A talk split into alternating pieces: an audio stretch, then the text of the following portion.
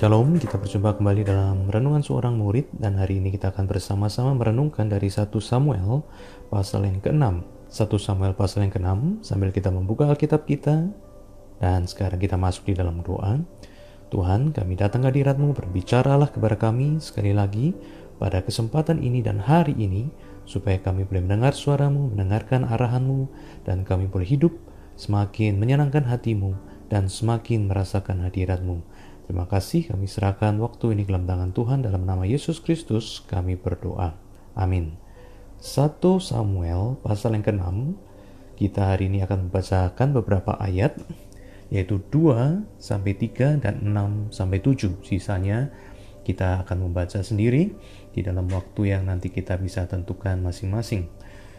Perenungan kita hari ini ada berkisar dari 2 Samuel 6 ayat yang kedua dan ketiga, kemudian bersiaplah Daud lalu berjalan dari Baale Yehuda dengan seluruh rakyat yang menyertainya untuk mengangkat dari sana tabut Allah yang disebut dengan nama Tuhan semesta alam yang bertahta di atas kerubim. Mereka menaikkan tabut Allah itu ke dalam kereta yang baru setelah mengangkatnya dari rumah Abinadab yang di atas bukit. Lalu Uza dan Ahyo, anak-anak Abinadab, mengantarkan kereta itu. Ayat yang ke-6 dan ke-7. Ketika mereka sampai ke tempat pengirikan Nahyon, maka Uza mengulurkan tangannya kepada tabut Allah itu lalu memegangnya karena lembu-lembu itu tergelincir.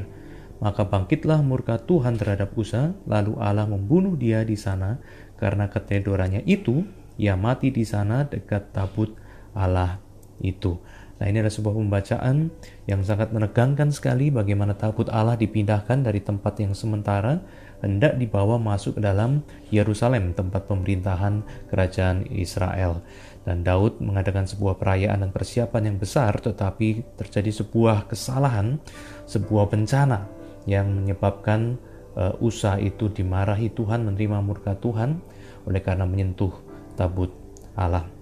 Nah, setelah itu kejadian nanti akan berlalu beberapa bulan dan uh, suasana membaik dan kemudian Daud nanti membawa tabut ini kembali masuk ke Yerusalem dengan meriah dengan sebuah persembahan-persembahan dan juga dengan Daud sendiri yang mengantarkan tabut Allah sampai ke Yerusalem. Nah, ini adalah sebuah cerita yang menunjukkan bagaimana perjalanan tidak mudah uh, tabut Allah yang menandakan kehadiran Allah sampai ke dalam uh, Yerusalem tempat di mana Daud memerintah dan Daud ingin supaya di mana dia memerintah di situ ada tabut Allah juga yang yang ada di situ yang menunjukkan bahwa Tuhan memerintah dari Yerusalem. Nah, ini adalah sebuah hal yang sangat menegangkan pergerakan ini dan lebih menegangkan lagi karena kita melihat di dalam uh, sebuah hal yang harusnya indah ya bagaimana tabut Allah ini sampai ke Yerusalem ada sebuah kejadian yang uh, luar biasa mengagetkan dan menakutkan yaitu Usa yang di dimurkai oleh Tuhan oleh karena dia menyentuh tabut Allah sehingga dia harus mati. Nah, apa yang bisa kita perhatikan di sini dari kejadian yang tidak menyenangkan ini? Apa yang bisa kita pelajari?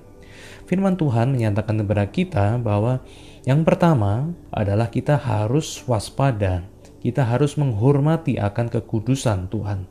Kudus atau kados menunjukkan suatu keterpisahan. Jadi Tuhan disebut kudus adalah juga karena dia adalah Tuhan yang berbeda.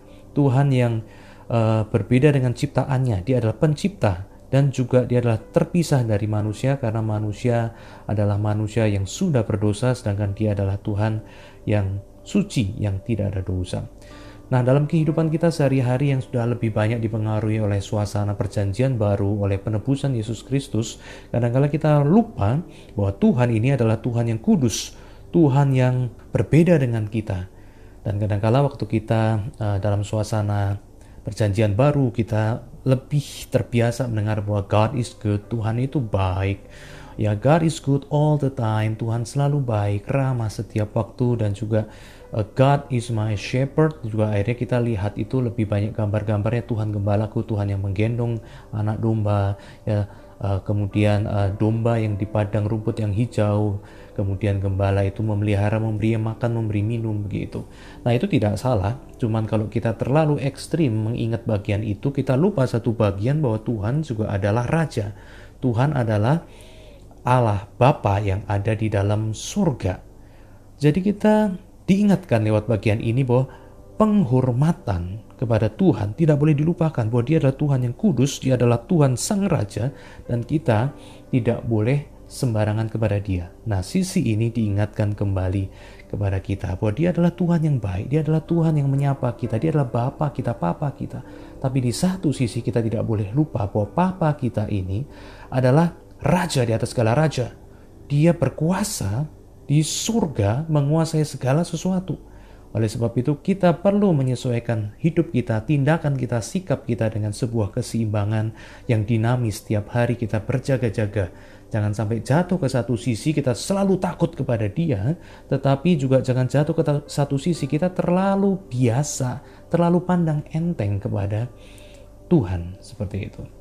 Nah, oleh sebab itu dalam kehidupan kita sehari-hari, kita harus hidup dalam sebuah keseimbangan yang dinamis.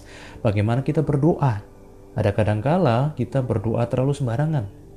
Ya kita sembarangan berdoa dengan sikap kita, sembarangan berdoa, yang kita merasa tidak perlu tutup mata, ya tidak perlu berlutut, ya tidak perlu kata-kata yang bagus, tapi kadangkala akhirnya semuanya sembarangan. Doa itu jadi nggak ada artinya lagi, nggak berharga, nggak ada penghormatan. Kita memuji Tuhan, kita datang kita mau menyembah Tuhan beribadah ya. Tetapi kita kemudian mungkin beribadah dengan sembarangan begitu ya. Handphone keluar masuk kita kita nyanyi juga eh, kadang-kala nyanyi kadang-kala nggak nyanyi gitu. Kadang-kala kita lihat-lihat kanan kiri gitu. Apalagi kalau di rumah ya tidak mudah banyak godaannya seperti itu. Kita akhirnya uh, menggampangkan. Tapi hari ini kita diingatkan bahwa Tuhan adalah Tuhan yang kudus Tuhan yang layak menerima penghormatan jadi mari kita memperlakukan dia sebagai Bapa kami yang di surga. Di satu sisi dia Bapa, dia Papa kita yang kita sayang. Tapi ingat di satu sisi posisi dia di surga, di dalam pemerintahan atas alam semesta, kita memperlakukan dia dengan hormat. Kemudian yang kedua adalah bagaimana kita bisa merenungkan bagian ini mengingatkan kepada kita. Yang kedua, poin kedua adalah mari kita itu waspada untuk melakukan niat baik dengan cara yang baik. Lakukan niat yang baik dengan cara yang baik atau lakukan niat yang baik dengan cara yang benar. Seperti itu. Kenapa? Karena sebetulnya kejadian ini, kejadian Tuhan memarahi, menghukum Uza tidak perlu terjadi karena sebetulnya Tuhan sudah memberitahu bagaimana cara untuk mengangkat bait e, tabut Allah dengan baik, yaitu dengan panggulan, dengan tongkat panggul. Jadi dipanggul oleh orang seperti tandu sehingga mengurangi kemungkinan jatuh dan terpegang oleh manusia bukan cuma sekedar diletakkan di atas kereta yang bisa bergoyang-goyang dan bisa jatuh apalagi itu adalah membawa dari rumah Aminadab uh, kepada Yerusalem adalah daerah yang berliku-liku pegunungan. Dan Tuhan sudah tahu dan Tuhan sudah kasih firman Tuhan sudah persiapkan sebelumnya. Dipanggul oleh orang dengan kayu yang sudah dipersiapkan kemudian dengan berjalan ya sampai ke tempat yang hendak dituju Nah, jadi seandainya perintah Tuhan ini ditaati, cara Tuhan ini ditaati, tidak akan ada kejadian yang buruk seperti ini. Tetapi ini mengingatkan kepada kita ya, niat baik kalau dilakukan dengan cara yang salah, berbahaya. Maka lakukan niat baik dengan cara yang baik, dengan cara yang benar. Nah, oleh sebab itu dalam kehidupan kita sehari-hari, mari kita tidak hanya sekedar cukup dengan niat baik. Niat baik melayani Tuhan, tapi caranya salah. Tapi dengan cara yang tidak benar, tentu aja akhirnya pelayanan ini tidak menyenangkan Tuhan. Tentu aja pelayanan seperti ini bukannya jadi berkat bagi banyak orang, malah jadi sandungan, jadi sakit hati, jadi kekecewaan. Demikian juga kita punya niat baik menolong orang. Tetapi kita dengan cara yang tidak baik, dengan cara yang salah. Kita memberikan dengan tidak meminta pertanggungjawaban, kita memberikan dengan uh, yang penting kamu mau apa, akibatnya orang ini tolong, menjadi manja, orang yang ditolong akhirnya malah menyalahgunakan, bukannya jadi berkat, malah menjadi kesalahan. Nah, jadi mari ya kita merenungkan niat baik harus dipikirkan juga caranya yang baik, caranya yang benar seperti apa. Demikian juga niat baik untuk menjangkau orang untuk PI. Ya, kita juga tidak bisa uh, niat baik ya, tetapi caranya salah, ngomongnya salah, pendekatannya tidak benar, yang membuat orang lain tersinggung, yang membuat orang lain akhirnya salah mengerti. Nah, ini adalah semua hal kita butuh usaha, niat baik, kemudian diikuti dengan cara yang baik. Kita cari tahu apa yang Tuhan mau, kita melatih diri kita seperti apa yang Tuhan mau, sehingga kita punya niat yang baik dan melakukan niat yang baik itu dengan cara yang benar juga. Dengan demikian, semua berjalan dengan baik dan memuliakan Tuhan. Demikian hari ini kita boleh merenungkan firman Tuhan, mari bersama-sama kita berdoa.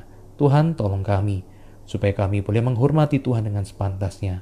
Engkau Bapa kami di surga, Engkau Bapa kami, Papa kami, tetapi Engkau juga ada di surga, Engkau penguasa. Biarlah kami menyesuaikan sikap kami dengan baik.